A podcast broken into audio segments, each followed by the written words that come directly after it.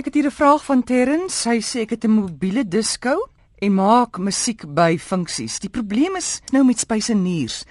Ons kom gewoonlik vroeg by die saal aan, dan is die spyseniers al klaar daar, hulle is besig met die dekor. Dan sal dit nooit plek vir ons om ons toerusting uit te pak of spasie te maak nie, byvoorbeeld 'n tafel. Hulle sal sê die bruid of gom het niks met ons gepraat oor die musiek nie. Hoe maak ons dan nou? Moet ons oppak en loop? Ek sal. Maar as jy 'n besigheid het wat goed het, jy het gewoonlik wanneer iemand sê ons boek jou vir die troue faks of e-mail jy vir hulle vorm wat sê dit is my koste, dit is my demands, dit is wat ek soek. Ek soek so 'n spasie daar en daar en daar, soveel tyd om op te sit en my klank te toets, teken hieronder as 'n bevestiging. Dit is 'n enige mens besigheid raai. En dan vat jy daai bevestiging saam na die troue toe of jy kyk er nou weer af van jy gee hom die papier en sê dit is ding. Maar met die troue, jy weet vir almal sulke event mense is almal semi-hysteries. Mense wat events reël of dit nou corporate is of vertroue, dis altyd chaos en drama.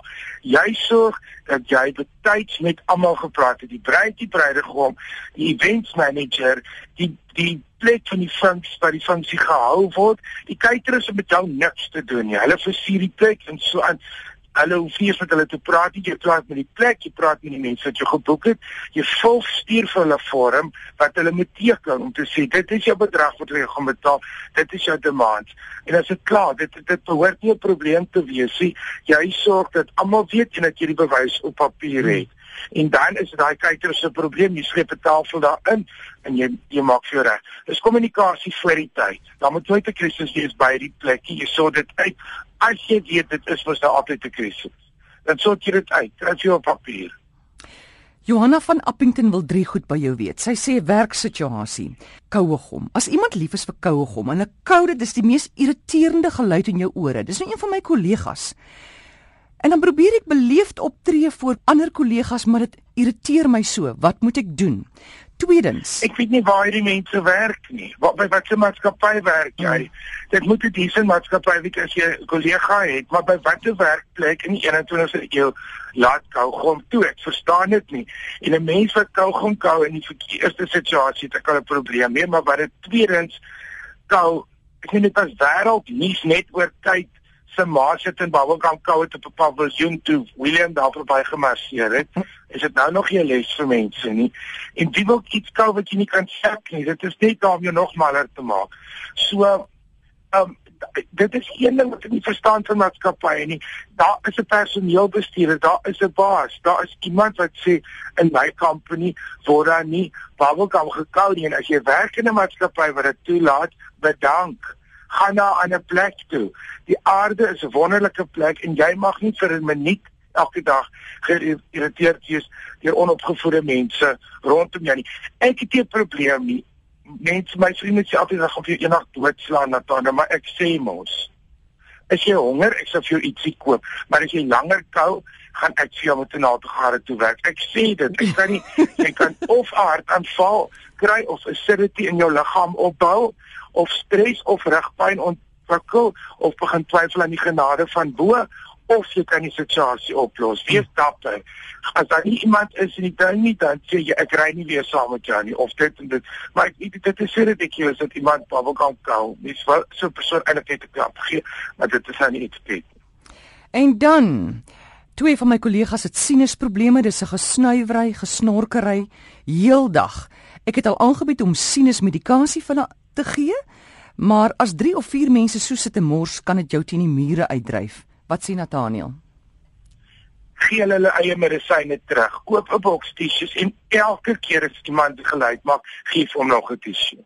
Totdat daar agter 'n berg sit en moet jou geïrriteer word dat hy maar wat dan sê van dit so ek voel sulke mense ek weet daar is mense wat dink okay vir alle bevliegtuig ek wil mal word as daar iemand wat besluit hy's nou te lui om sy neus te gaan blaas in die badkamer.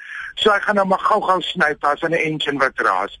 En dan 'n minuut later dink ek ek gaan gou-gou weer. Hmm. En so gaan dit aan. Groot mens is nie so nie. Dit beteken nou swak opvoeding. Jou ma moet so klein te tasseleer dat jy gaan uit die vertrek uit plaas jou neus bly by die huis of kry 'n sproei of 'n drip of gaan dokter toe. Daar is nie verskoning vir sulke goed nie. Dit word opgelos. Ek is 'n sanger ek weet. Ek het nog nooit gesou weens griep of koue of 'n neus gemis nie. Ek weet dat jy jouself kan reg dokter in sekondes en jy kry sulke goed. So dit maar dit is ook weer 'n probleem van in in 'n werksituasie. Sy gaan nou hier aan oor borsvoeding en dinge en ja. dinge en dinge so. En nie openbaar. Sy borsvoed op die oomblik en sy het net 'n kombersie. En hy babatjie smal oor onder die kombersie te lewe want sy kry melk en dan sy speel huis huis. Maak vir jou toe. Ek weet nie behalwe in Europa waar mense in elk geval in sekere lande topless loop op die strand waar kinders groot word met ouers wat kaal loop deur die huis. Dit is mos Europeërs. Daai spul in Italië sit almal kaal om tafel en eet ontbyt. Dit is natuurlik, hulle dis vir hulle snaaksie die liggaam is nie 'n 'n ding waarvoor hulle skrik of sonde is nie. Ons het anders groot geword. So ek weet nie die skiebos en die openbaar nie, maar ek vind sommer koerant oor hulle gooi of kyk weg. Mm. Draai weg, gaan op 'n ander plek toe. Baby, dit is bietjie soos om te kla as jy nie van 'n program hou nie. Kry mos briewe as jy mense kom jy geld has aan. Mm. Hoe kom jy op plastiek pampietjies op jou tafel? Het jou TV nie 'n knop nie? beweeg aan dis 800 ander kanale. So die etiket rondom borsvoeding, ek soos wat jy sê, loop as jy kan. Andersins hê 'n kombers. Ons het ons het die probleem ja, ons het die probleem met dit. Dit is 'n kulturele ding. Dit is tussen verskillende kulture.